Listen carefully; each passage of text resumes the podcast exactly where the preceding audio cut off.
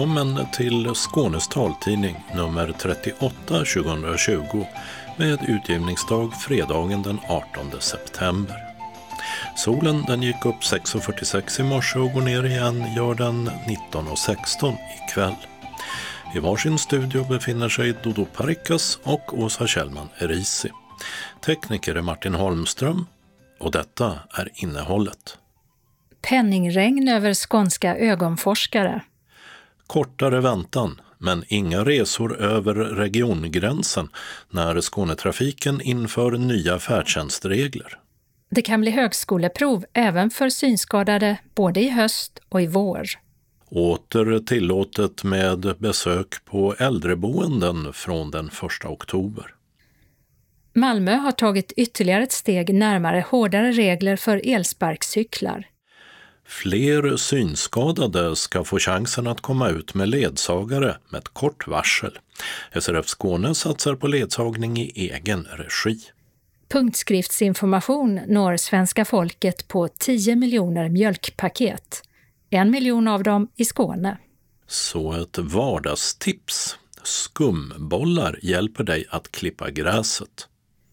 Talbokstipsen kommer från Kristianstads stadsbibliotek och bjuder bland annat på varietéartister i triangeldrama, krigstida kodknäckare och Håkan Nessers senaste. Så en annons om klockköp. Öppnat och stängt därpå med fria ord och skakande bio. Och evenemangstips med syntolkning, kulturnatt och komiker kalendern med nådig lunta och ridande kung. Anslagstavlan den innehåller regionala och lokala meddelanden samt ändringar i kollektivtrafiken. Och sist kommer redaktionsrutan. 144 forskare inom medicin, vårdvetenskap och psykiatri i Skåne har i år fått forskningsanslag från Skånes universitetssjukhus, donationer och stiftelser. Och ett antal av dessa gäller ögonforskning. Och I kategorin ögon så har professorerna Malin Malmsjö och Christian Risbäck fått vardera 220 000 kronor. Risbäck studerar luftvägsbakterier som orsakar bindhinneinflammation, så kallad konjunktivit, hos barn och vuxna. Han forskar också om infektioner hos kontaktlinsbärare. Malin Malmsjös forskning syftar till att kunna optimera ögontumörkirurgin och få större möjligheter att göra en enkel och skonsam rekonstruktion efter att tumören opererats. Den kommitté med elva erfarna forskare som väljer ut vilka som ska få anslag till sin forskning har i år satsat speciellt på yngre forskare. Bland dem ögonforskarna Teresa Plank och Rafi Sheikh som fått vardera 140 000 kronor. Teresa Plank forskar om behandling av endokrin oftalmopati, en ögonsjukdom som innebär att kroppens eget immunförsvar angriper vävnader i ögonhålan. De svullnar upp och kan ge allt från lindriga symptom till påverkan på synnerven som kan leda till synnedsättning. Forskningsanslagen som delas ut kommer från gåvor, donationer och testamenten. Totalt har 23 miljoner kronor delats ut till forskare i Lund och Malmö. Ändrade hämtningstider och inga resor över Skånes gränser. Den 1 oktober träder Skånetrafikens nya färdtjänstregler i kraft. Med de regler som gäller idag kan den som har färdtjänst åka i hela Skåne och dessutom till Laholm, Markaryd, Älmhult, Olofström och Sölvesborg. Men med de nya reglerna blir det riksfärdtjänst som gäller även till gränskommunerna, säger Titti Unosdotter, chef för Skånetrafikens serviceresor. Det är väldigt förvirrande för kunden också, just det här när ska jag ha riksfärdtjänst och när jag ska inte ha det. Så vi har försökt göra det enkelt och allt som ligger innanför Skånes gränser ingår i färdtjänsten i Skånetrafiken och utanför så får man ansöka om det. Så det har inget med eh, besparingar att göra? Det finns inga besparingar i detta. Orsaken till att vi gjorde ett nytt regelverk eller uppdaterade regelverket det var att när man tog ett beslut 2017 om regelverket så var ett av kraven att vi skulle göra en utvärdering av hur det hade blivit och det är den utvärderingen som vi gör nu.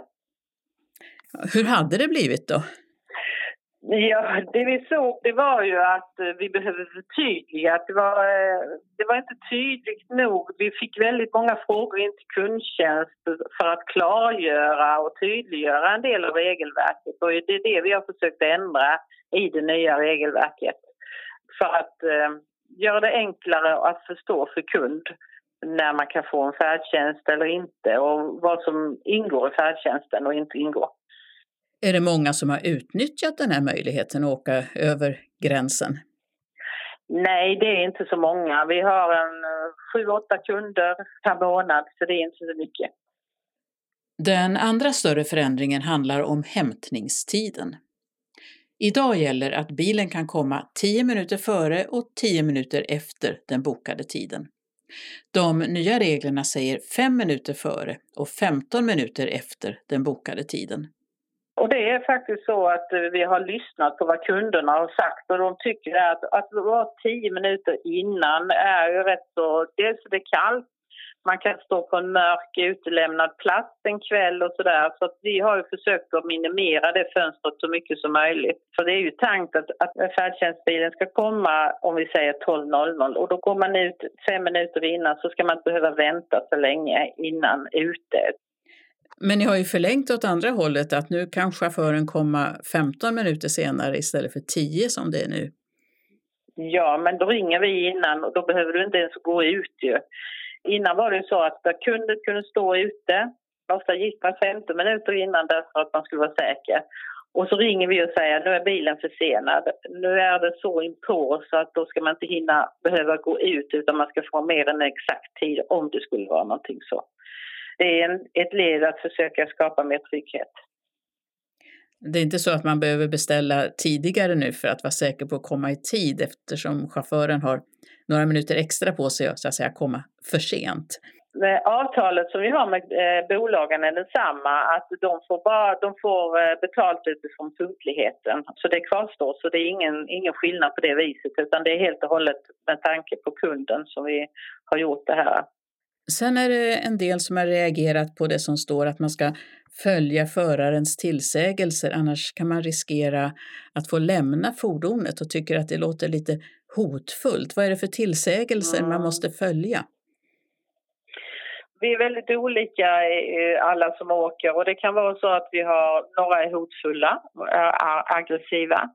Man kanske inte sitter still, man knäpper upp bältena. Eh, man pratar väldigt mycket med eh, chauffören så att han har svårt att, att hålla fokus på vägen. Eh, det kan vara många olika saker och det är väl det som är. Sen är det inte tänkt att man inte får prata med, med chauffören överhuvudtaget. Men, men just att man tar hänsyn till att man åker ett fordon precis som man åker med en buss eller så, så är det just det här att, att det är viktigt att, att chauffören kan hålla fokus på trafiken. Får man ha synpunkter på om man tycker att föraren kör alldeles för fort och inte håller hastighetsbegränsningarna och så? Givetvis så ska man ha det. Eh, och är det så att inte chauffören gör någonting åt det så ska man ju kontakta kundtjänst så vi kan följa upp den chauffören. För det är ingenting som vi tillåter alla bokningar sker med marginal så man ska kunna hålla tiden fastän det är något hinder på vägen och då ska man inte behöva köra fort. Vi som färdtjänstresenärer har inte fått uttala oss om ändringarna i det nya regelverket. Det säger SRF Skånes ombudsman Henrik Eld. Men Titti Unosdotter menar att man visst tagit hänsyn till brukarna. Kunderna har varit involverade egentligen eh, redan från början. För när vi tog det andra regelverket 2017 så har vi alla ärenden som har kommit in i kundtjänst har vi summerat och sett vad är det för några frågor, åsikter och punkter som kommer in där och utifrån det så har vi sett vad, hur är det vi måste förändra regelverket. Det har också varit ute eh, utvecklingsgrupper i vården som har fått delaktiga och titta på hur det är utformat innan beslut togs. Men det är mera då via synpunkter som har kommit till kundtjänsten än via så att säga formella överläggningar i råden? Någon arbets, nej, man har inte suttit i någon arbetsgrupp med, någon, eh, med kunder på det viset.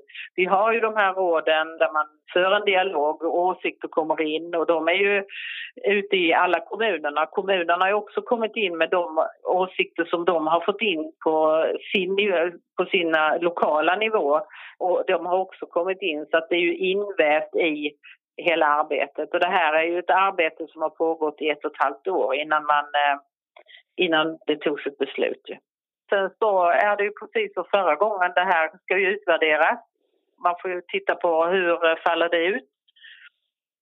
Och sen så får man göra en ny eh, utredning och se hur det är och sen så eh, inom ja, två år så kommer man väl i så fall att eh, behöva uppdatera det utifrån hur det det ser ut i samhället och behovet är och utifrån det. Så det är ju ett levande material trots att det finns beslut på det. Det sa Titti Unosdotter, chef för Skånetrafikens serviceresor.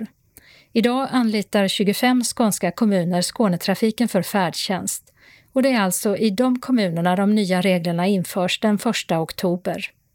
Även för sjukresorna införs nya regler bland annat gällande vilka adresser man får sjukresa till, vilka som kan utfärda sjukreseintyg och att resor för vård i annat län enligt vårdgarantin ska ske med sjukresa eller kollektivtrafik i första hand, inte egen bil. Reporter var Birgitta Fredén. Så till högskoleprovet där det råder osäkerhet om tidpunkten men inte om synskadades möjlighet att delta.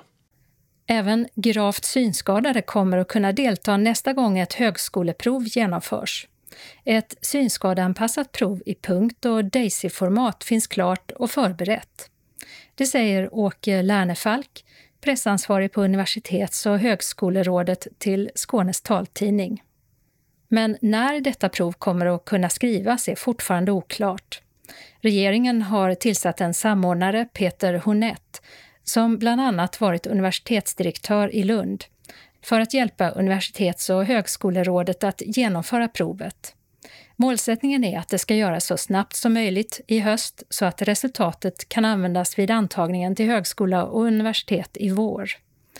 För att provet ska kunna genomföras på ett smittsäkert sätt krävs flera provlokaler och mer personal. Peter Hornett ska också arbeta för att ett högskoleprov ska kunna genomföras under våren 2021. Regeringen har anslagit 30 miljoner kronor för att proven ska kunna skrivas på ett smittsäkert sätt. Det allmänna besöksförbudet på äldreboenden, sjukhus och mottagningar upphör från och med 1 oktober. Lokalt kan dock besöksrestriktioner fortfarande finnas kvar, allt utifrån förutsättningarna för respektive verksamhet. Det är viktigt att kunna skydda våra mest sjuka och sköra patienter och vi ska nu titta på hur vi kan möjliggöra för säkra besök och ta fram rekommendationer för hur dessa ska se ut. Det säger Region Skånes hälso och sjukvårdsdirektör Pia Lundbom i ett pressmeddelande och fortsätter. Samtidigt är närståendes möjlighet att vara delaktiga oerhört viktig och därför välkomnar vi beskedet om att besöksmöjligheterna utökas. Det innebär också ett ansvar. Vi måste tillsammans även fortsättningsvis bidra till att minska smittspridningen och följa rekommendationerna om att stanna hemma när vi har symptom, säger Pia Lundbom. Socialstyrelsens generaldirektör Olivia Wixell skriver i sin tur i ett pressmeddelande att Argumenten för det tillfälliga besöksförbudet är betydligt svagare nu än när förbudet infördes, samtidigt som de negativa effekterna ökar med ett långvarigt besöksförbud. Socialstyrelsen menar också att det är nödvändigt att verksamheterna planerar och förbereder sig för säkra besök och att de som besöker personer på äldreboenden tar ansvar för att undvika att föra in smitta. Vi har tidigare berättat om att Malmö stad hoppas att en ändring i stadens lokala ordningsstadga ska sätta stopp för, eller åtminstone minska, problemen med kringslängda elsparkcyklar som utgör en fara till exempel för synskadade. Och nyligen beslutade så kommunstyrelsen i stan att uthyrningsföretagen dels måste begära tillstånd från kommunen, dels betala en avgift på omkring 1800 kronor per elsparkcykel. Beslutet är ett steg på vägen mot en reglering av uthyrningen. Kommunstyrelsens vice ordförande, tillika funktionsstödsnämndens ordförande Rocco Kursar, mötte upp utanför Malmö stadshus, där vi också hittade två elsparkcyklar. En i cykelställ, en långt utanför. Den står rätt och sen så ser vi här 10 eh, meter bort en annan som är parkerad utanför cykelstället. Och det kan man ju tycka när man väl har ett cykelställ där man får parkera att man då placerar den här utanför cykelstället. Men när jag cyklade hit idag, det tog mig fem minuter, så räknade jag till 17 stycken som samtliga stod rakt ut mitt på trottoarer eller låg slängda på trottoaren. Ja, och det här visar ju eh, verkligen behovet av att se till att vi får ordning på elsparkcyklarnas eh, förekomst i, i, i, vår, i vår stad. Och när vi lämnat cykelparkeringen utanför eh, Stadshuset i Malmö så kommer vi upp på Rocco Kursars tjänsterum där han konstaterar att elsparkcyklarna varit farliga snubbelhinder sedan de dök upp på Malmös gator för några år sedan. Nu har vi tagit beslut i kommunstyrelsen att eh, föreslå kommunfullmäktige den 24 september att besluta att göra en ändring i ordningsstadgan så att eh, uthyrning av elsparkcyklar blir tillståndspliktig. Syftet är ju att vi ska få ordning på hur elsparkcyklar används och framförallt placeras och parkeras i vår stad. Och det ni gör är att eh, sätta en avgift per cykel. Hur är det tänkt att det ska påverka uthyrarna? Det är ju bara en bit av det och det är ju en viktig egentligen bit ur ett rättviseperspektiv alla näringsidkare som utnyttjar kommunal mark eh, för sin näringsverksamhet eh, betalar eh, för upplåtelsen av den kommunala marken. Det gör en grönsakshandlare, det gör en cykelaffär som parkerar sina cyklar utanför sin cykelaffär. Sedan så är vårt mål att parkeringen av själva elsparkcyklarna ska gå till på sådant sätt att de inte ställs utanför de parkeringszoner som eh, vi har och som vi kommer att eh, fortsätta bygga ut. Eller för den delen i eh, det cykelställ där man idag får också parkera dem. Detta beslutet vi nu har det är att vi kan reglera hur utställningen av elsparkcyklarna ser ut. Det vill säga att det som får tillstånd att hyra ut cyklar, elsparkcyklar i Malmö. Det kommer endast få ställa ut dem i cykelställ eller i de här parkeringszonerna som vi ställer upp. Sedan så är vårt mål att eh, företagarna ska genom det tekniska system de har, det vill säga GPS, mer precis kunna reglera hur deras användare parkerar. Det vill säga att man ska omöjliggöra lämning av en cykel utanför ett eh, tillåtet område. Är det då ekonomin som ska få uthyrarna att följa kommunens krav? Ja, tanken är i alla fall att varje elsparkcykel ska kosta bolaget runt 1800 kronor i tillståndsavgift till Malmö stad. Rent juridiskt så kan vi som kommun inte direkt påverka hur användarna parkerar eller placerar. Det kan inte vi reglera på något sätt.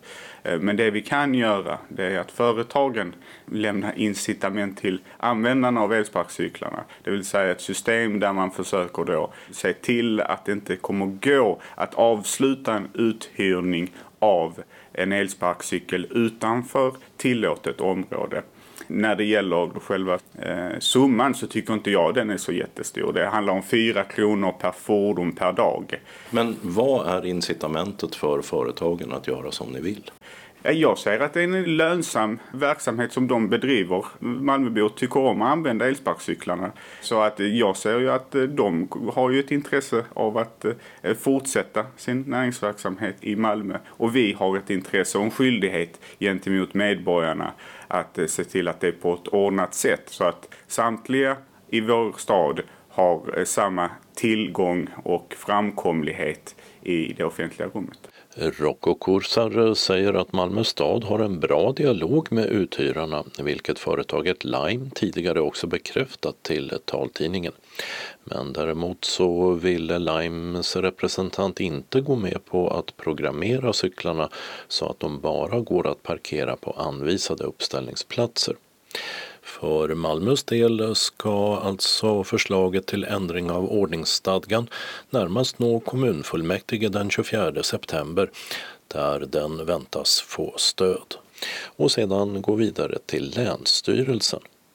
När det gäller avgiftsbeläggandet vill Malmö gå i bräschen genom att testa om det är möjligt för kommuner att via den lokala ordningsstadgan bestämma att uthyrarna måste betala en avgift. Och när det gäller själva tillståndsfrågan är Transportstyrelsens bedömning att det inte för närvarande finns stöd i gällande regelverk för att en kommun ska ha rätt att kräva tillstånd för elsparksuthyrning.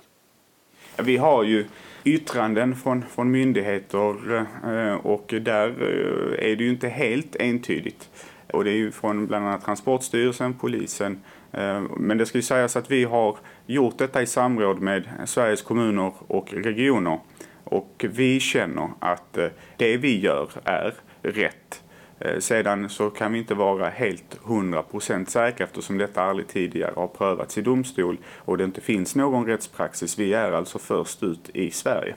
Samtidigt pågår en utredning, statlig utredning om hur de här problemen ska lösas. Ni är inte oroliga för att Länsstyrelsen kommer att invänta vad den säger innan de fattar ett beslut? Jag tänker att vi kan inte leva i ett eh, rättsligt vakuum utan eh, jag tar för givet att Länsstyrelsen utgår utifrån den juridik och de lagar som, som finns i dagsläget och inte då på något sätt hänvisar till att det kanske inom framtiden kommer att bli några lagändringar och därför är det bättre att inte alls agera eller bedöma hur man ska tolka det nuvarande juridiska läget.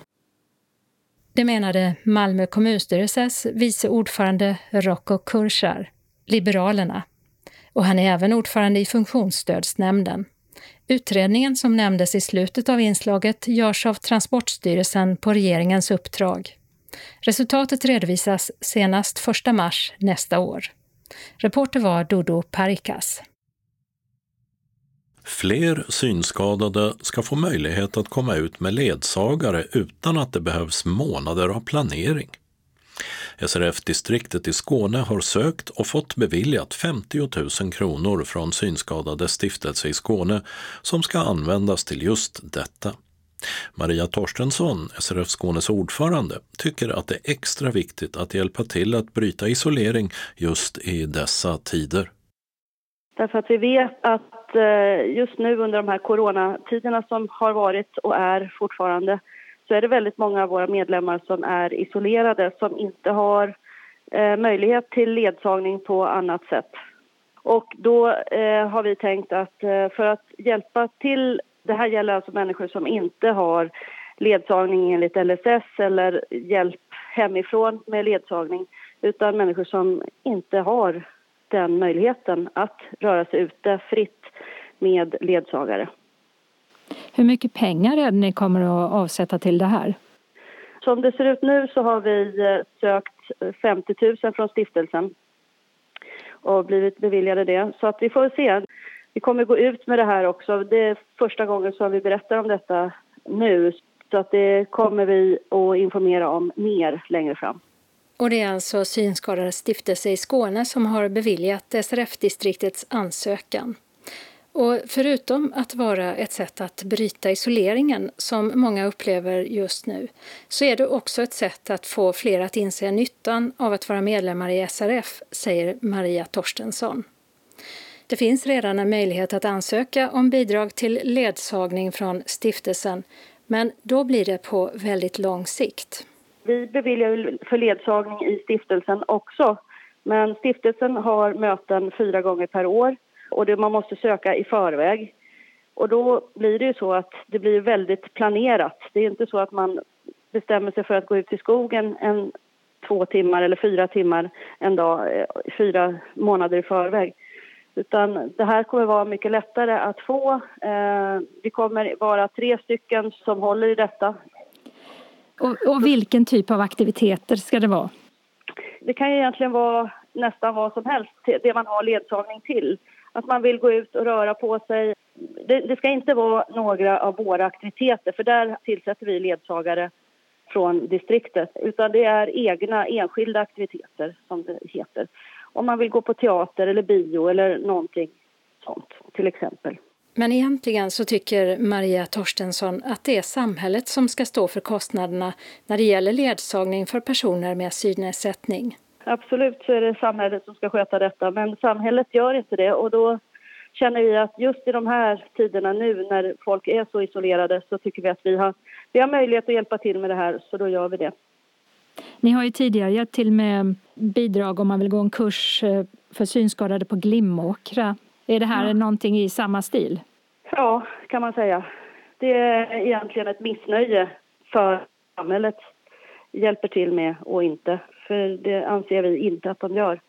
Och därför känner vi att vi har möjlighet och då gör vi väl det då just nu. Men det här är ingenting som kan fortsätta för så mycket pengar har vi inte. Men eh, för tillfället. Riskerar man inte just det här att eh, man tänker då, ja men det kan ju Synskadades riksförbund göra själva? Ja, eh, nej, det tror jag inte. För att som det är nu så, så är det ingen som får ledsagning. Inte enligt LSS så är det faktiskt tyvärr ingen som får det. Eh, så att det, där är det helt andra saker som vi måste jobba med och det görs ju både på distriktsplan och på riksplan. Och hur kommer det sig att ingen får det? Ja, därför att lagen är skriven så luddig så att man anser inte att vi tillhör personkrets 3 som en gång i tiden lades till på grund av synskadade som behövde ledsagning. Men idag så anser man, kan man anse att den inte täcker oss därför vi klarar vår dagliga livsföring menar man och då behöver vi inte hjälp därigenom. Hur långt räcker det här? 50 000 kronor är det som ni har till detta? Ja, ja det vet vi inte. Vi har ju ingen aning. Det beror på hur många som söker. Vi får ju utreda det när det har gått åt eller efter vid årsskiftet för se hur mycket det är som har gått åt och inte. Och när det gäller vem som ska vara ledsagare så finns det redan en hel del som SRF i Skåne brukar använda sig av. Men de planerar också för nya utbildningar för ledsagare. Dels är det personer som vi har använt i distriktet som ledsagare och framförallt så är det människor som har gått den här ledsagarutbildningen som vi hjälper till med, som vi håller i. Och vi kommer ha ytterligare en ledsagarutbildning här i höst och då kommer syntolkning finnas med i ledsagningen. Dels så kan det vara någon av de ledsagarna som man använder men är det så att man vet någon som kan, kanske kan hjälpa en och ledsaga så kan man ta den också. Hör ni ofta att folk inte kommer ut på saker för att de inte har ledsagning? Ja, det är det absolut. Så är det. Så det finns ett stort behov av det? Det finns ett väldigt stort behov. Det sa Maria Torstensson, SRF Skånes ordförande. Reporter var Åsa Kjellman Erisi. Just nu pågår en kampanj med information om punktskrift på mejerijätten Arlas mjölk och filförpackningar. Närmare bestämt 10 miljoner stycken. Främst är det barn och unga som är målgrupp för informationspanelerna, som är det uttryck Arla själv använder. Syftet är att helt enkelt synliggöra punktskriften. Vi har Göran Karlsson, kampanjansvarig på Synskadades riksförbund. Det här är en idé som har funnits tidigare från, inom SRF att eh, synas på Arlas mjölkförpackningar med eh, information om punktskrift. Det var väl ursprungliga tanken att det skulle vara jättespännande om vi kunde få med punkt på de förpackningarna. Men det visade sig vara ganska svårt så då gick vi istället över till att eh, bara informera om punktskrift. Och hur lätt var det liksom att få Arla med på det här tåget? Det var förvånansvärt lätt faktiskt. Vi, eh, vi ringde upp och eh, frågade om vi skulle kunna få med på förpackningarna och informera om punktskrift eftersom vi har ju sett att andra organisationer syns på de här förpackningarna. BRIS och Friends, WWF, Naturskyddsföreningen bland annat. Så de sa ja helt enkelt, så det var inte alls särskilt svårt. Det är alltså Sveriges mest lästa tryckta medium. Varje dag så är det två miljoner som läser de här förpackningarna vid frukostbordet. Vad, vad är det för budskap som finns på de här? Jo, det är så här att eh, målgruppen för de här förpackningarna, eller som, de som läser det här är främst barn och ungdom någonstans mellan 7 och 14 år. Så det är Arlas målgrupp för de här panelerna. Så det är vad vi har också haft eh, som utgångspunkt i budskapen. Så vi har eh, tagit fram två motiv. Det första är med en tjej som är illustrerad eh, och fiktiv person som heter Emily. Och hon eh, är synskadad och går i skolan och läser punkt helt enkelt. Så hon är lite bärande person kan man säga genom den här kampanjen. Och hon är med på första förpackningen i september. Där visar hon också upp hur hon skriver sitt namn i punkt, hur det ser ut i punkt. Och så har vi även då en kampanjsida man kan klicka sig in på och där finns det en punktskriftsgenerator.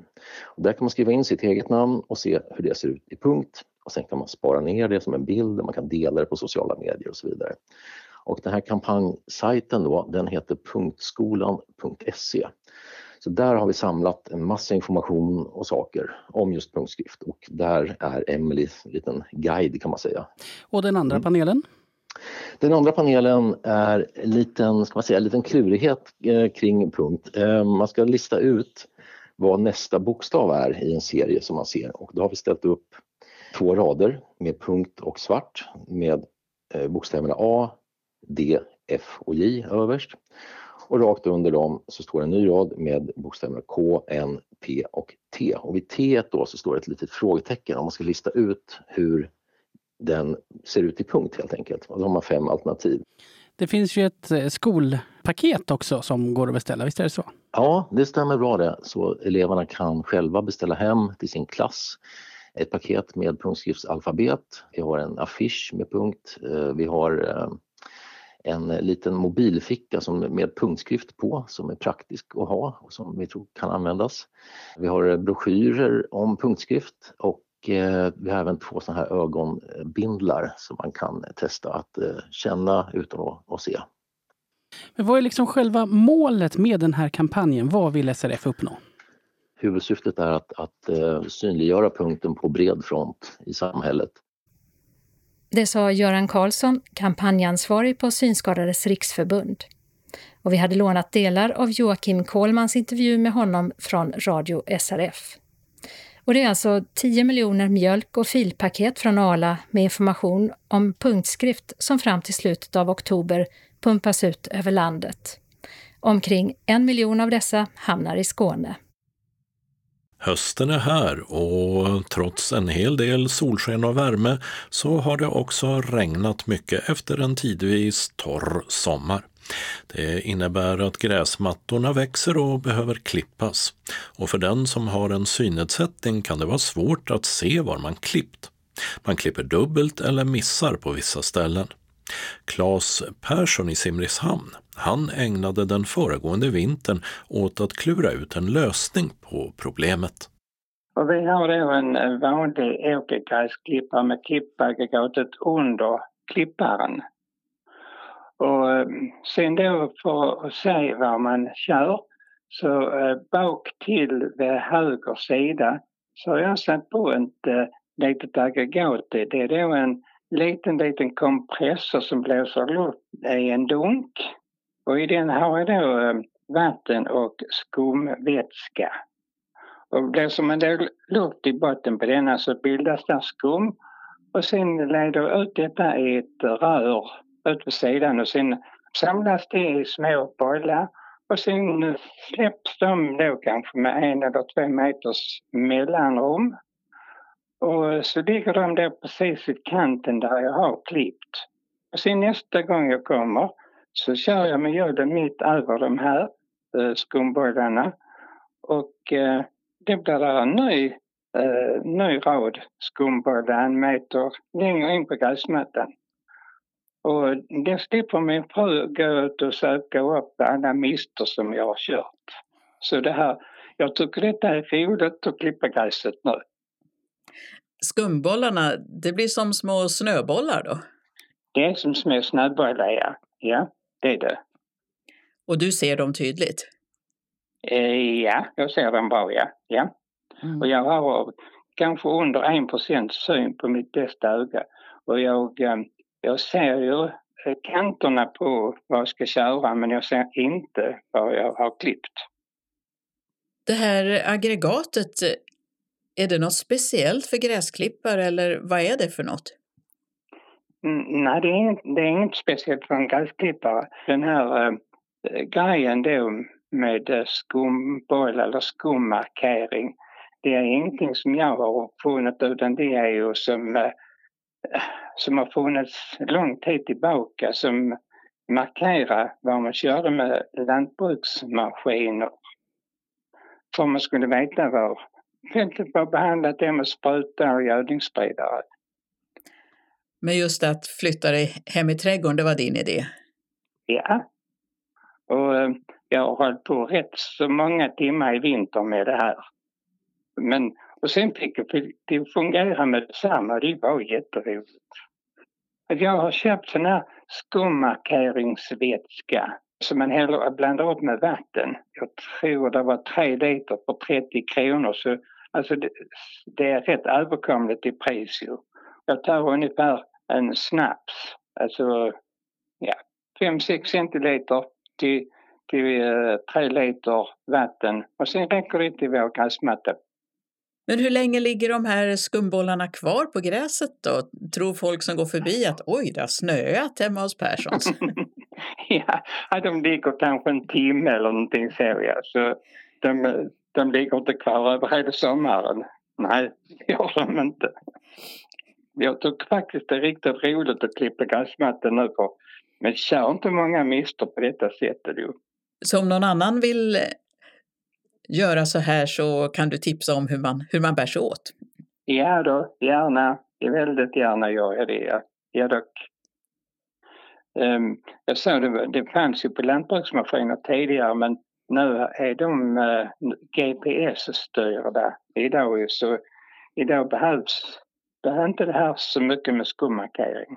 Då kanske det finns begagnade aggregat att köpa och sätta på sin gräsklippare? Ja, det kan vara så, ja. ja. Det var Claes Persson i Simrishamn som berättade för Birgitta Fredén hur han klipper gräsmattan utan att fuska eller jobba dubbelt. Månadens talbokstips kommer från Stadsbiblioteket i Kristianstad och bjuder bland annat på svensk underrättelseverksamhet, en sorgsen busschaufför och en trollkar i triangeldrama i 1950-talets Brighton. Karin Gustafsson inleder. Jag har läst den engelske författaren Graham Swifts senaste bok. Den heter Här är vi. Man kan säga att det här är ett triangeldrama. Det utspelar sig som sagt i Brighton, mestadels år 1959. Jack är konferencier på en varieté där publiken bjuds på allt från akrobatik, jonglering, sång och dans till trolleri. Han är väldigt charmig och karismatisk. Ronny är trollkarl och Evie är hans assistent. Båda gör succé, de blir snart showens höjdpunkt. Jack och Ronny har känt varandra länge men Evie har kommit in i deras liv nyligen. Hon blir Ronnys assistent och snart även hans fästmö. En stor del av boken utspelar sig sommaren 1959 och handlingen kretsar kring deras arbete på scenen och vänskapen och spänningarna mellan de tre. Men vi får också tillbakablickar, i synnerhet när det gäller Ronny. För under kriget evakuerade hans mamma honom från London till en familj på landsbygden. Och den evakueringen kom att få stor betydelse för hans liv. Han kom till en familj som gav honom bekräftelse och kärlek, något som modern och den ständigt frånvarande fadern aldrig lyckats med. Och han lär sig dessutom trolleri av mannen i familjen som är trollkarl. Men vi förflyttas också fram i tiden till 2009 då Ivy är 75 år, nybliven änka och hon ser tillbaka på sommaren 1959 och även vad som hände sedan. Det är en tunn bok, men väldigt komprimerad och den innehåller mycket. Eh, den är som ett kammardrama kan man säga. Stämningen är lite melankolisk. Swift har som alltid ett fantastiskt språk och förmår att med få ord göra romankaraktärer till levande människor. Sen har jag läst två deckare då. Eh, Håkan Nessers senaste bok, Den sorgsne busschauffören från Alster. Det här är en deckare med kriminalarna Gunnar Barbarotti och Evar Backman. De här två är ju kända från tidigare böcker av Nesser. Numera är de ett par även privat, inte bara i jobbet. Den sorgsne busschauffören heter Albin Runge. Han söker upp polisen efter att ha blivit hotad. Fem år tidigare var han med om en tragisk olycka. Han körde av vägen med bussen och många personer, både vuxna och barn, dog eller blev skadade. Men olyckan var inte Runges fel och han blev frikänd. Men nu får han brev där han hotas till livet.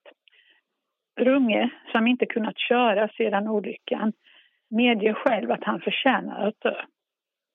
Breven blir allt hotfullare och polisen beslutar att ordna skydd åt Runge och hans fru. Men de medverkar inte som det är tänkt och Runge försvinner. Det går inte att komma fram till vad som har hänt och fallet läggs ner.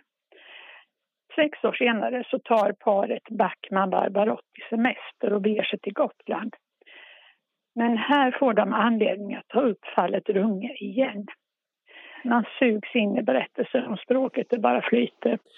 Och eh, sen fortsätter du till en av dina favoriter och så kommer vi åter till det franskspråkiga Kanada. Eh, Louise Penny, hennes senaste deckare om kommissarie Gamache i Quebec i Kanada. Den heter Hur ljuset tar sig in. Den nionde boken om kommissarie Gamache. Så fort det kommer en ny Gamache-deckare så vill jag ta mig an den. Och jag blir inte besviken den här gången heller. För Louise Penny kan verkligen konsten att berätta så man blir uppslukad. Historien är intressant och fängslande och personerna också. Och på köpet lär man ju sig mycket om Kanadas historia och motsättningarna mellan den fransktalande och engelsktalande delen. I denna bok är det snart jul.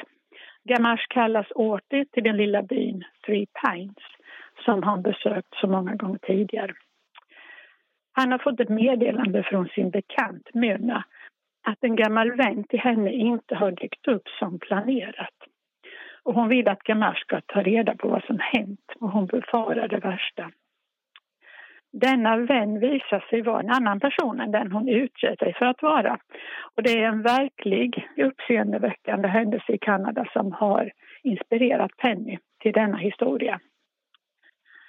Och parallellt i boken sker en utredning av ett misstänkt dödsfall i Montreal. En utredning som visar sig leda ända till toppen av stadens styre och som tyder på maktmissbruk och korruption. Dessutom handlar boken om en konspiration mot Gamache själv. Han är chef för en rotel och framgångsrik men han motarbetas och är på väg att manövreras ut. Hans skickliga medarbetare flyttas till andra avdelningar av högre chefer och de ersätts av nya, okunniga och ovilliga poliser. Hans närmaste medarbetare sedan många år vänds emot honom. Så avslutade Karin Gustafsson på Kristianstads stadsbibliotek i Kulturkvarteret där sina talbokstips. Hennes kollega Stefan Sjölund, han börjar med vad han funnit när han botaniserat bland inte helt nyutkomna böcker. Och precis som Karin så inleder Stefan sina tips i England. Jag tar upp en gammal goding här, Enigma av Robert Harris från 1997 löst baserat på historiska fakta kring de brittiska kodknäckarna på Bletchley Park under andra världskriget.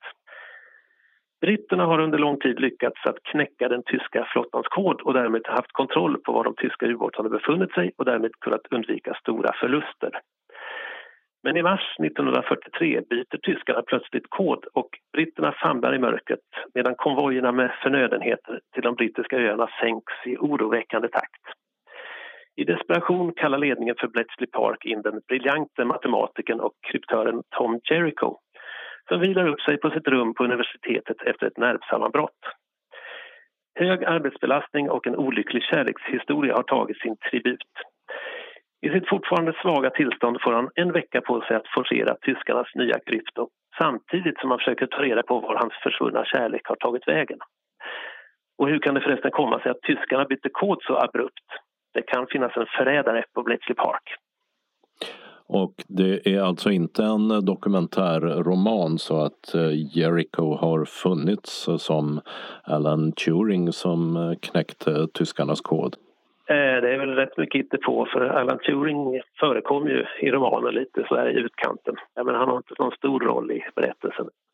Och därifrån flyttar du dig till? Eh... Sverige och eh, då tänkte jag prata om Spionen på FRA av Anders Jalaj.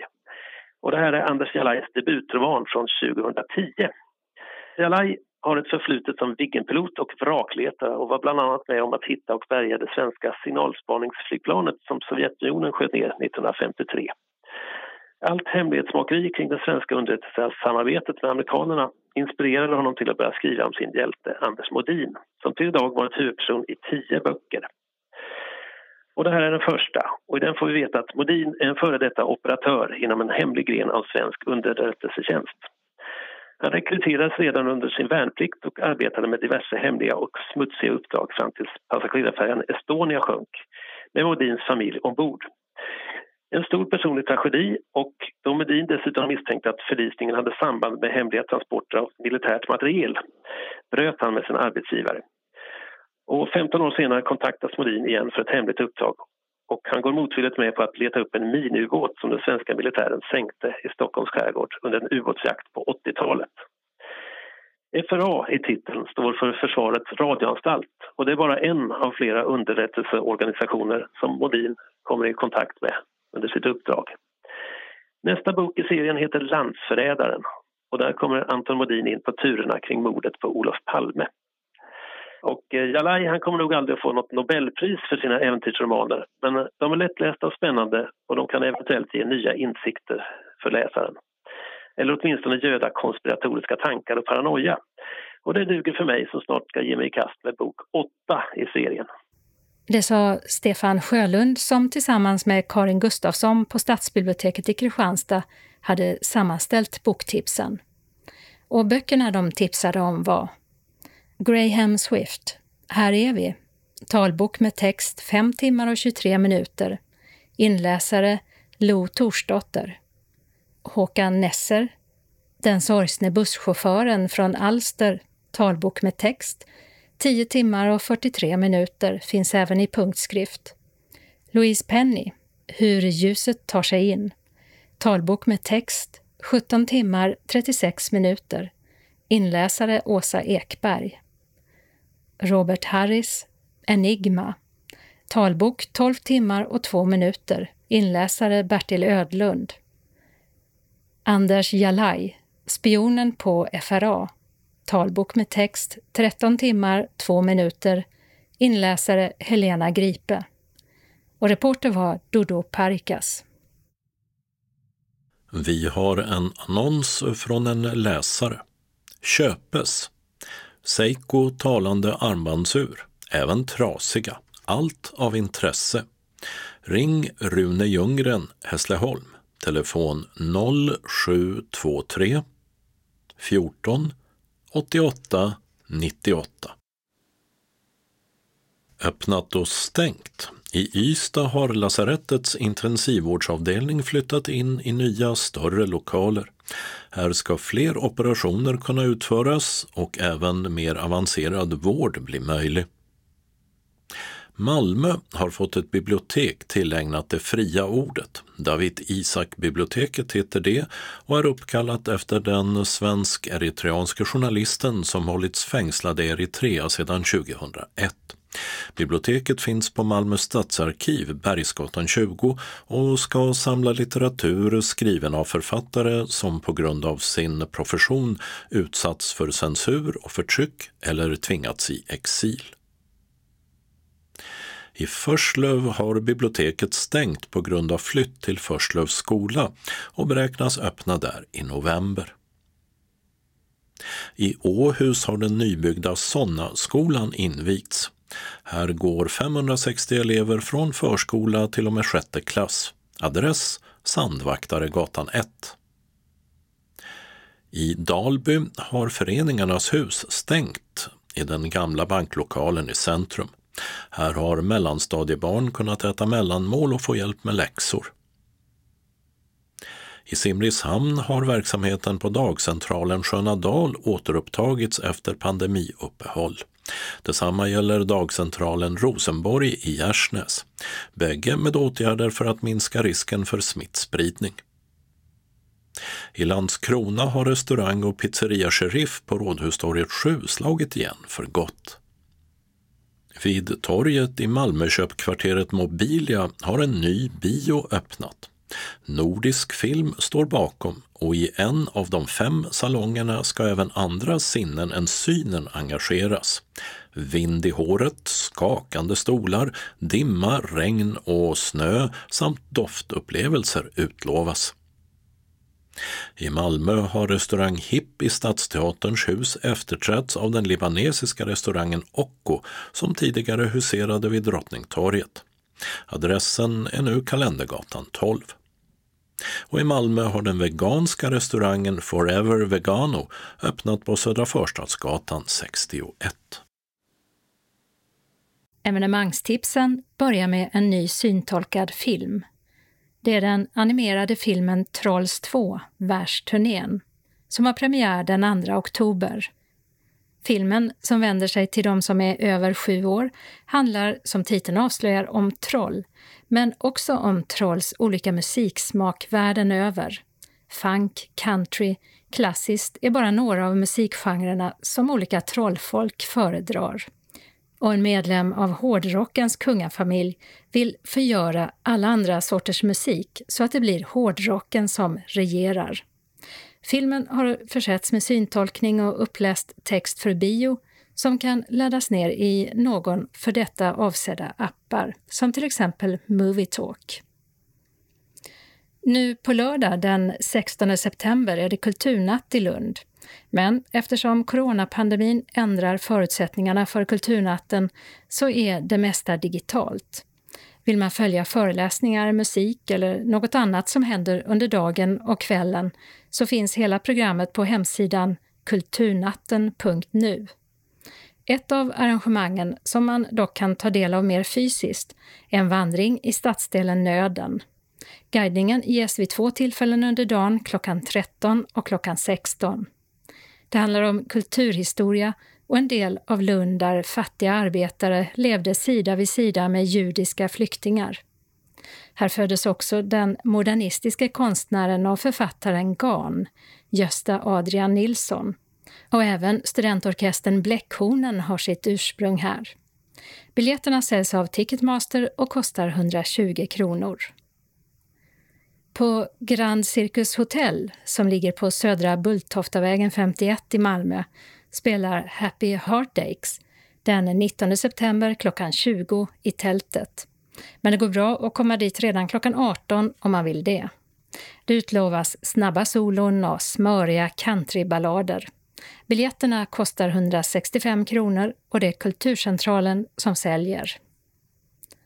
Nu på tisdag den 22 september klockan 19 kommer komikern Jonas Helgesson till Sövde kyrka och håller ett föredrag som han kallar Ett bra CP-liv. Han pratar om vilka möjligheter och begränsningar han möter utifrån sin CP-skada. Det handlar om funktionsnedsättning, fördomar och mångfald. Det är en gratis föreläsning men biljetter krävs. Och antingen så hämtar man dem på pastorsexpeditionen i Kyrkans hus, Blentarpsvägen 6A i Blentarp. Eller så kan man ringa och boka en biljett på telefon 0416 255 50. På Simrishamns bibliotek tipsar medarbetarna om sina favoriter bland höstens nyheter i ett digitalt bokprat den 24 september klockan 14. Sändningen kan ses live på bibliotekets Facebook-sida eller i efterhand i två veckor. Under tiden som sändningen pågår så kan tittarna komma med egna tips eller ställa frågor till bibliotekarierna. Ingen föranmälan krävs till bokpratet och för mer information ring 0414 81 93 07.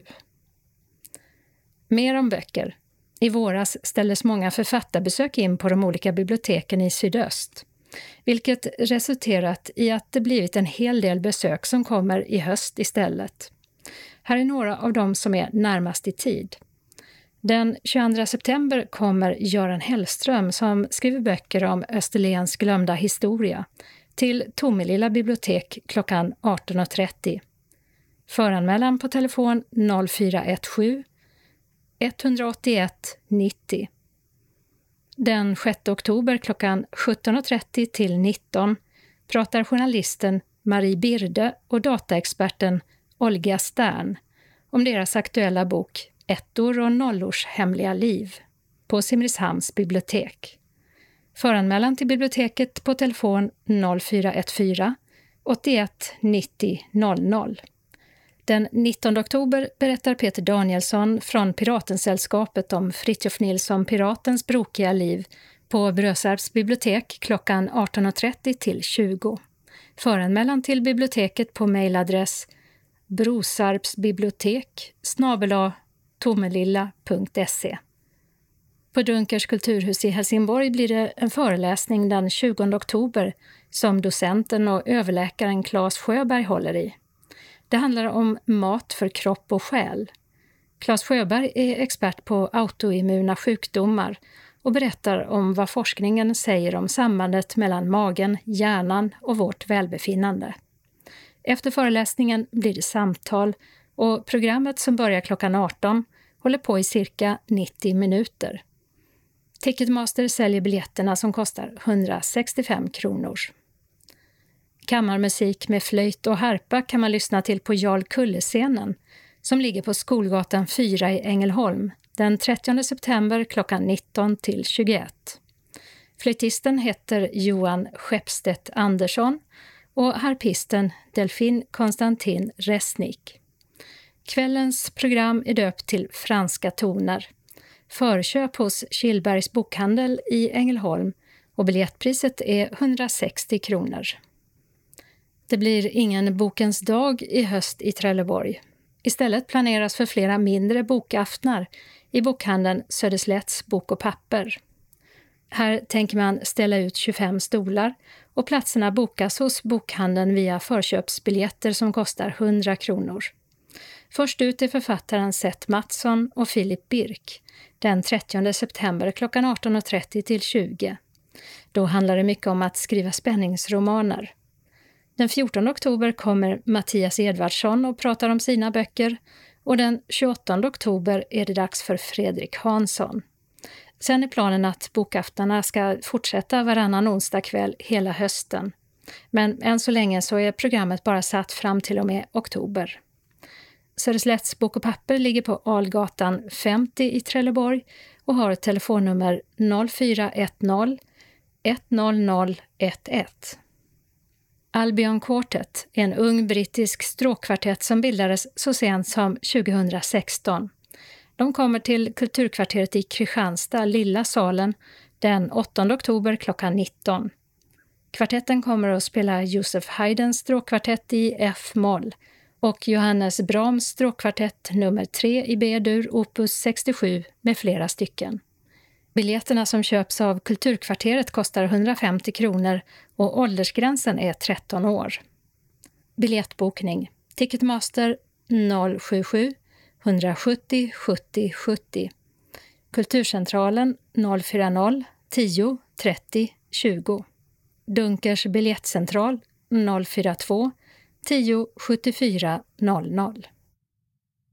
Kalendern vecka 39 börjar med måndagen den 21 september då regeringens budgetproposition släpps. Finansminister Magdalena Andersson tar nådiga luntan, eller om det är en liten USB-sticka med en digital lunta och presenterar den för riksdagen.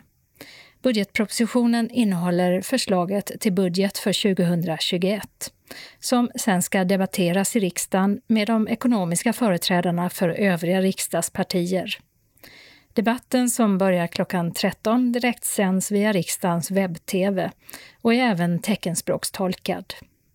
Tidigare så har det varit hemligt vad som skulle föreslås i budgeten, men numera är mycket redan känt i förväg denna gången till exempel ett återstartspaket för landets ekonomi till följd av coronapandemin och satsningar inom klimat och miljöområdet bland mycket annat.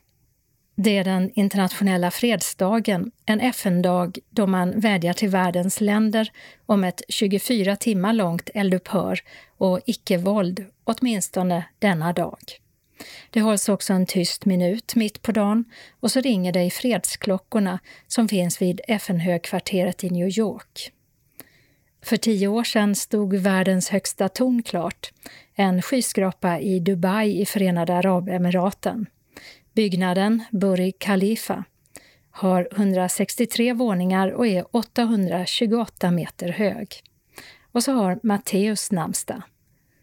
Tisdagen den 22 september är det Maurits och Moritz som har namnsdag och det är höstdagjämning, vilket innebär att natten är nästan lika lång som dagen överallt på jorden. För 40 år sedan utbröt ett blodigt krig mellan Iran och Irak som varade fram till 1988. Kriget startade med att den irakiska diktatorn Saddam Hussein försökte invadera Iran för att avsätta den nya regimen som kom till makten efter den iranska revolutionen två år tidigare. Och revolutionen i Iran innebar att landet blev en islamisk stat. Sveriges damlandslag i fotboll åker till Island och fotbollsarenan Laugardalsvöllur för att spela EM-kvalmatch mot just Island inför EM sommaren 2022. Och vill man följa den matchen så sänds den i SVT klockan 20. Det är också den internationella bilfria dagen då alla bilister uppmanas att lämna bilen hemma.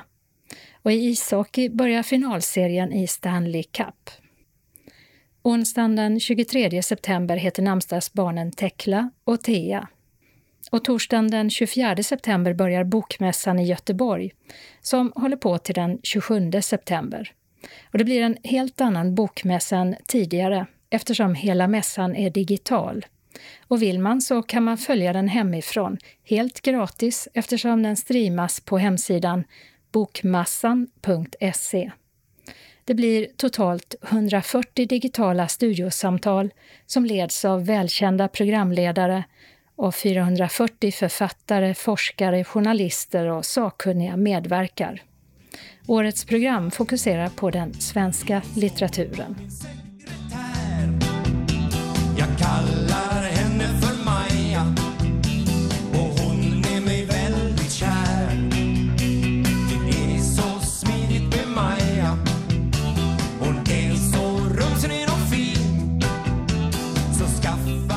Den suveräna gitarristen Janne Schaffer fyller 75 år.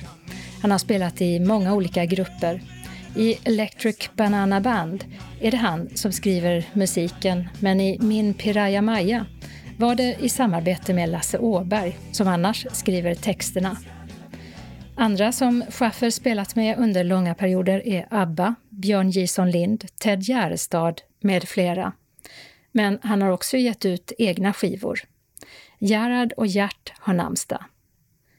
Fredagen den 25 september är det Trygve som har namnsdag. Och lördagen den 26 september är det Enar och Einar som firar namnsdag. För 150 år sedan föddes Kristian X, kung av Danmark mellan 1912 och 1947, samt kung av Island mellan 1918 till 1944. Under den tyska ockupationen av Danmark under andra världskriget var Kristian X en samlingsgestalt för det danska folket, bland annat genom att han tog dagliga ridturer genom Köpenhamn även under ockupationen. Men 1942 blev han avkastad av sin häst Jubilee och skadades allvarligt och återhämtade sig aldrig helt. Han dog 1947. Och två välkända före detta ishockeyproffs, tvillingarna Daniel och Henrik Sedin, fyller 40 år.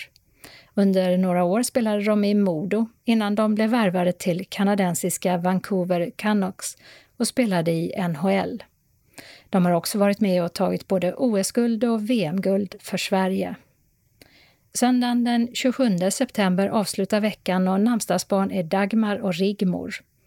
I Paris börjar Franska öppna tennismästerskapen som avslutas den 11 oktober.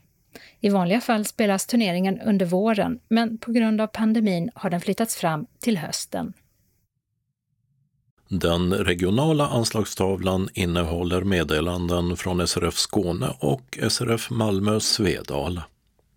Först meddelar SRF Skåne att den superhelg den 24 till 25 oktober som aviserades med en inbjudan tyvärr inte kan genomföras. Anledningen är att aktiviteten eller någon liknande inte finns med i SRF Skånes verksamhetsplan eller budget för 2020 och därmed inte godkänts av representantskapet. SRF Skåne har inte heller sökt bidrag för denna aktivitet, vilket gör att den skulle bli mycket kostsam utan sådan delfinansiering. Tyvärr uppmärksammades inte detta innan inbjudan skickades ut och vi ber om ursäkt för förbiseendet. Dock kan SRF Skåne fullfölja söndagens program på Bilmuseet Autoseum med alla vrålåken och Frasses och Marians musikmuseum i Simrishamn söndagen den 25 oktober. Vi startar med lunch på Hotell Svea innan vi tar en promenad på cirka 15 minuter till Autoseum med godbitar som McLaren M8, Rolls-Royce med anknytning till bland annat ABBA, Nascar-bilar och Indycar. Vi kommer även att få känna lite på vrålåken. I samma byggnad finns Frasses och Marians musikmuseum med gamla grammofoner, speldosor och mycket mer. Dagen avslutas med eftermiddagskaffe innan hemresa. Vi kommer att ha handsprit och munskydd för de som önskar använda detta. Som vanligt, känner du dig inte frisk så ber vi dig stanna hemma. När du anmäler dig, berätta om du önskar kött, fisk eller vegetarisk mat och givetvis om du behöver specialkost. Du får gärna ta med dig egen ledsagare. Behöver du ledsagare så säg till när du anmäler dig. Boka resan till Hotell Svea, Strandvägen 3, Simrishamn, framme till 11.30. Boka hemresan som går från Autoseum, Fabriksgatan 10, Simrishamn 16.00. Det är begränsat med antal platser till 20 deltagare, så först till kvarn gäller. Kostnad 100 kronor. Anmälan till SRF Skåne telefon 040 777 75 eller e-post srfskane srfskane.se. Sista anmälningsdag är onsdagen den 23 september före 12.00.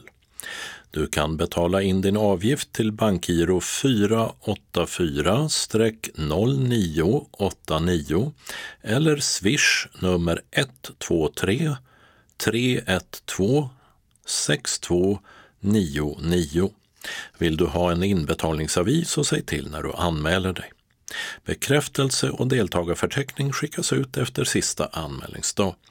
SRF Skåne står för era reskostnader efter att kvitton inkommit, dock senast tre månader efter genomförd aktivitet. Varmt välkomna önskar arbetsgruppen för kultur och fritid. SRF Skåne har också en inbjudan till Halloweenkväll på Bäckaskogs slott 23 till 24 oktober för synskadade barn och ungdomar tillsammans med sina familjer. Vi planerar för aktiviteter som passar barn och ungdomar i alla åldrar, bland annat ansiktsmålning, bus eller godisvandring, pumpadekorering och för de som vågar kommer det att erbjudas en spökvandring på slottet. Lite senare på kvällen kommer Jack Werner, författare, journalist och skapare av den populära Creepypodden i P3, att läsa upp de bästa historierna ur sin senaste bok Creepypasta. Deltagande kostar 300 kronor för barn mellan 6 till 18 år samt 600 kronor för vuxen. I priset ingår alla aktiviteter, boende i dubbelrum, familjerum, tvårättersmiddag på fredag kväll och frukostbuffé på lördag morgon. Vi har ett begränsat antal platser så först till kvarn gäller. Ni anmäler er till SRF Skåne senast 27 september. I anmälan ska framgå hur många ni är som kommer, ålder på barnen och hur många i familjen som är intresserade av att följa med på spökvandringen. Vi vill också att ni anger eventuell specialkost och era kontaktuppgifter. För mer information om Bäckaskogs slott kan ni besöka hemsidan backaskogslott.se B-A-C-K-A-S-K-O-G-S-L-O-T-T. Rysligt och spökligt välkomna önskar arbetsgruppen för barn och ungdomar upp till 18 år. SRF Malmö Svedala inbjuder till en syntolkad teaterföreställning av Cyrano de Bergerac onsdag 28 oktober med samling 18.15 på HIP Kalendergatan 12 i Malmö. Föreställningen börjar 19.00 och håller på i två timmar och 45 minuter. Pris 220 kronor per person. Betalning med inbetalningskort som skickas hem. Biljetter delas ut på plats. Handling. Vad gör kärleken med oss och varför är det så svårt att bli älskad för den man är? Cyrano har nästan allt. Han är en omtalad hjälte i strid men också våldsamt vass med sin penna. Ingen kan skriva och tala som han. Om han bara kunde vinna sin älskade Roxans hjärta så skulle allt vara perfekt.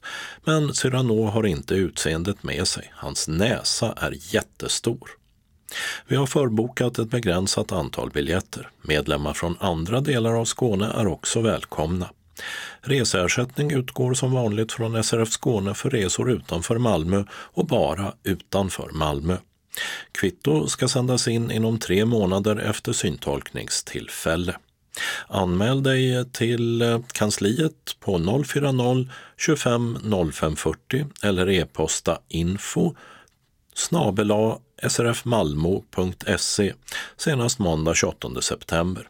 Vid anmälan berätta om du behöver lur och eller ledsagning. För frågor ring Maj-Britt Ryman, telefon 0703 24 66 09. Hjärtligt välkomna önskar styrelsen.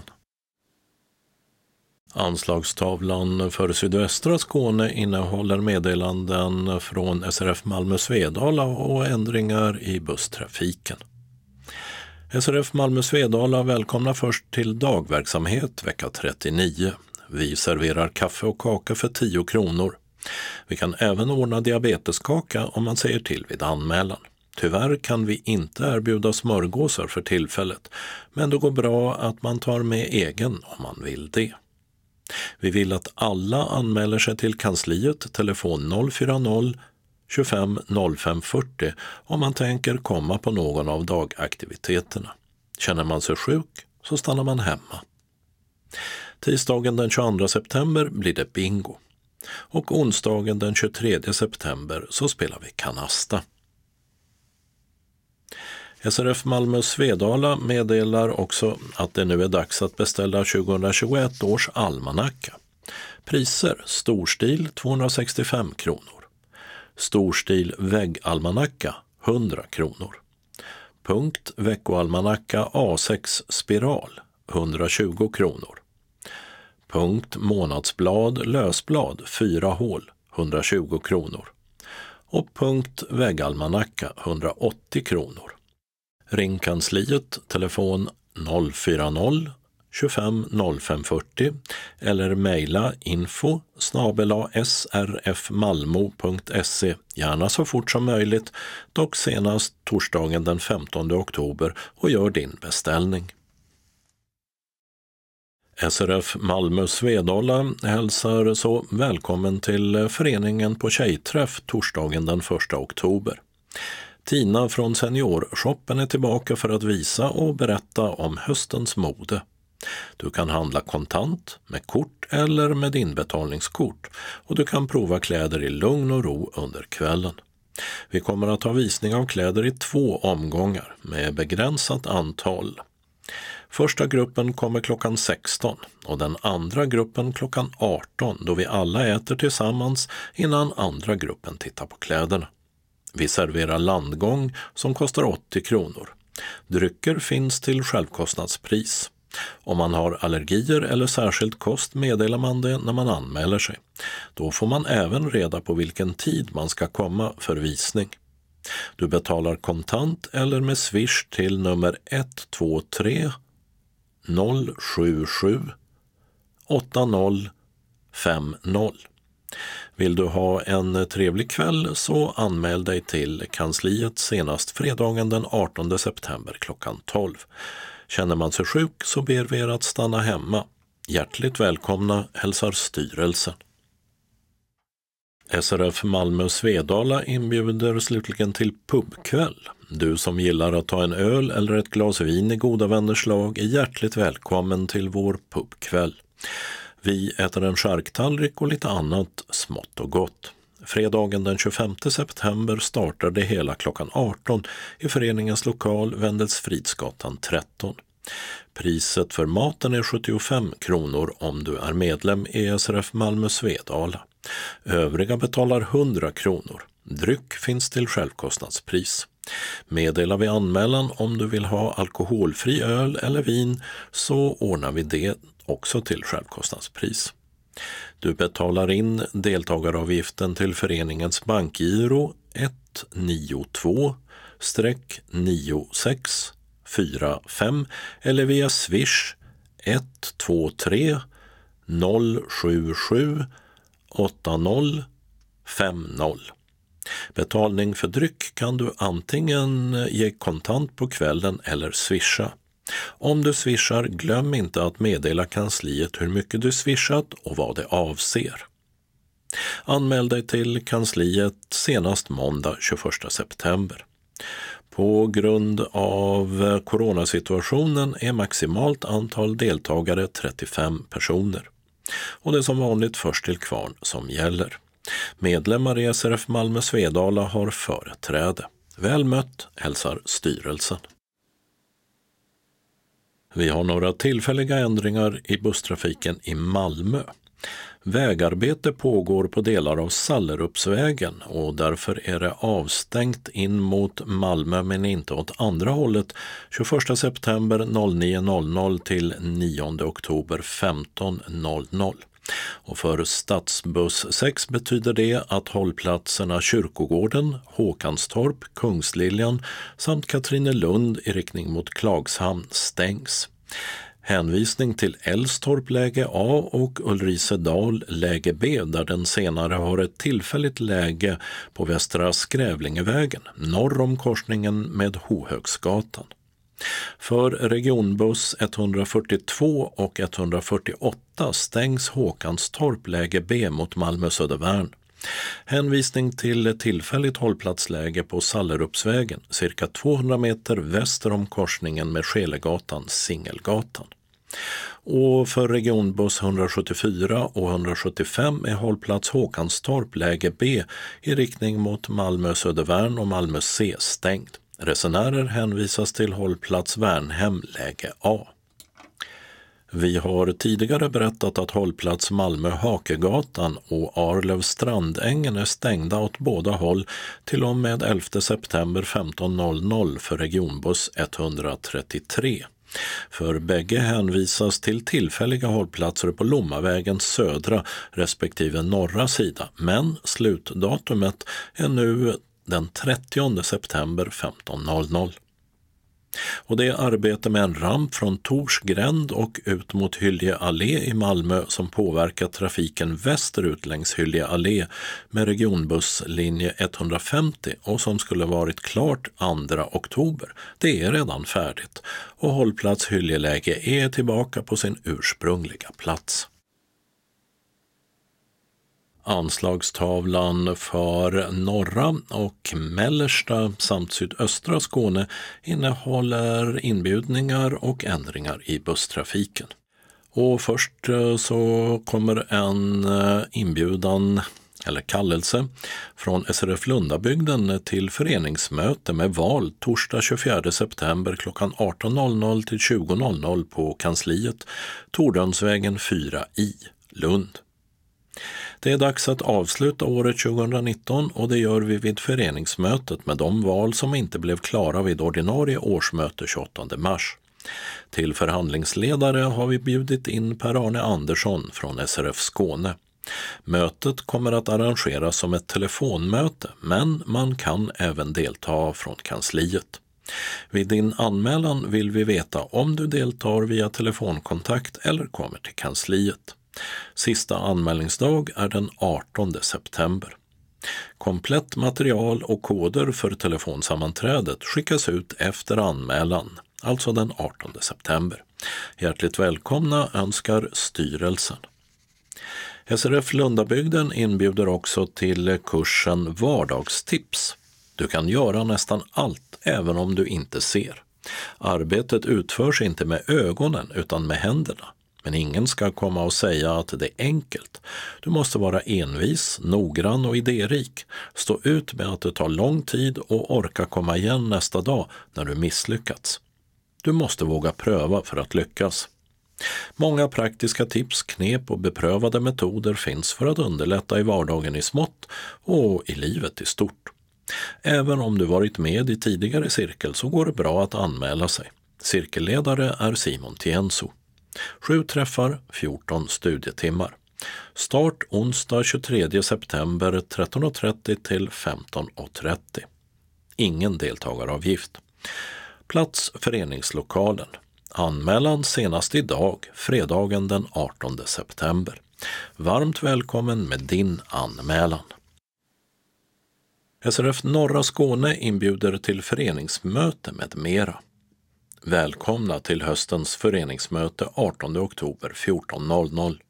På grund av coronaviruset får vi inte vara på Bokebergsgården utan som många andra lokalföreningar får vi ha mötet på telefon. Så här går det till. Ring 08 120 490 20. En röst säger att ni ska slå koden 0138 fyrkant. Tänk på att det ska vara så tyst som möjligt runt er för alla ljud hörs väldigt bra under mötet. Vi kommer att behandla budgetförslaget och mötesplanen för 2021. Meddela vid anmälan om ni vill ha handlingarna. Övriga aktiviteter för SRF Norra Skåne. Kanastan är tills vidare hos Inga Gärd. Bokcirkeln börjar 8 september 10.00 på Stadsbiblioteket i Hässleholm. Konserter på Kulturhuset i Hässleholm. Dessa kan ställas in på grund av coronaviruset. Bellman i våra hjärtan, ett musikaliskt program av Rune Lindqvist och Jan-Erik Lundqvist. 28 oktober 19.00 till 20.00 i Blå salongen. Ingen deltagaravgift. Julkonsert i vintertid med Anders Berglund, Christian Svarvar och Emmy Kristensson 11 december 19.00 till 21.00 i Röda salongen. Deltagaravgift 100 kronor. Julkonsert med Andreas Weise onsdag 16 december 18.35 till 19.45 också i Röda salongen. Deltagaravgift 100 kronor. Anmälan till alla aktiviteter senast lördag 26 september till Anna-Lena Päckele. Telefon 0451 231 01 eller 0703 60 06 47 eller e-post anna-lena.packila telia.com. Hjärtligt välkomna önskar styrelsen. SRF Västra Skåne meddelar att det är dags att beställa almanacka för år 2021. Almanackan är i A5-format med text och siffror i svart färg och helgdagarnas datum i vit text mot röd ruta. Priset är 100 kronor. På framsidan kan du få ditt namn. Fram och baksida är plastade. Beställ på kansliet telefon 042 15 83 93 eller e-post srfvastraskane srf.nu. Om du inte kan hämta din almanacka kan vi skicka den till dig med inbetalningskort och portokostnad medtagen. Hälsar kansliet. Vi har tillfälliga ändringar i busstrafiken som gäller Eslöv, Lund, Tollarp och Tågarp. För stadsbusslinje 2 i Eslöv har resande till hållplats Eslöv-Mossavägen hänvisats till Eslöv-Sturegatan. I fortsättningen uppmanas de att istället använda Eslövs stadshuset. Detta gäller till och med nyårsafton 31 december klockan 21. I Lund pågår vägarbeten som berör stadsbuss 6. Hållplats Storskolevägen läge B är stängd från midnatt mellan 18 och 19 september till 21 september 08.00. Hänvisning till linje 3s hållplats Darpavägen på Östra Linerovägen. På grund av asfaltering på Härslövsvägen, väg 1163 mellan Tågarp och Härslöv, får linje 260 och tågersättande bussar en tillfällig körväg och långa avstånd till ersättningshållplatser den 29 och 30 september, båda dagarna mellan 06.00 och 18.00. Detta gäller hållplatserna Arrarp, Arrarp Östra, Glugstorpsvägen, Tågarptorget och Rönnarpsvägen som samtliga stängs i bägge riktningar. Dessutom stängs Tågarps station läge A samt Strömsnäsvägen läge B. För information om ersättningshållplatser kontakta Skånetrafiken telefon 0771 77 77 77. I Tollarp pågår VA-arbete på Kungsvägen så hållplatstorget och Önos, bägge läge A, är stängda 21 september 07.00 till 23 september 17.00. Resenärer hänvisas till ett tillfälligt hållplatsläge på Polgatan, cirka 150 meter i nordöstlig riktning, norr om korsningen med Kungsvägen. Och det var allt för den här gången. Nästa nummer av Skånes taltidning kommer fredagen den 25 september. Skånes taltidning ges ut av Region Skånes psykiatri och habiliteringsförvaltning. Ansvarig utgivare är Martin Holmström. Postadress Jörgen Ankersgatan 12, 211 45 Malmö. Telefon 040-673 09 70. E-post Skanes taltidning snabela skane.se och hemsida skanestaltidning.se. Vi hörs igen. Hej då!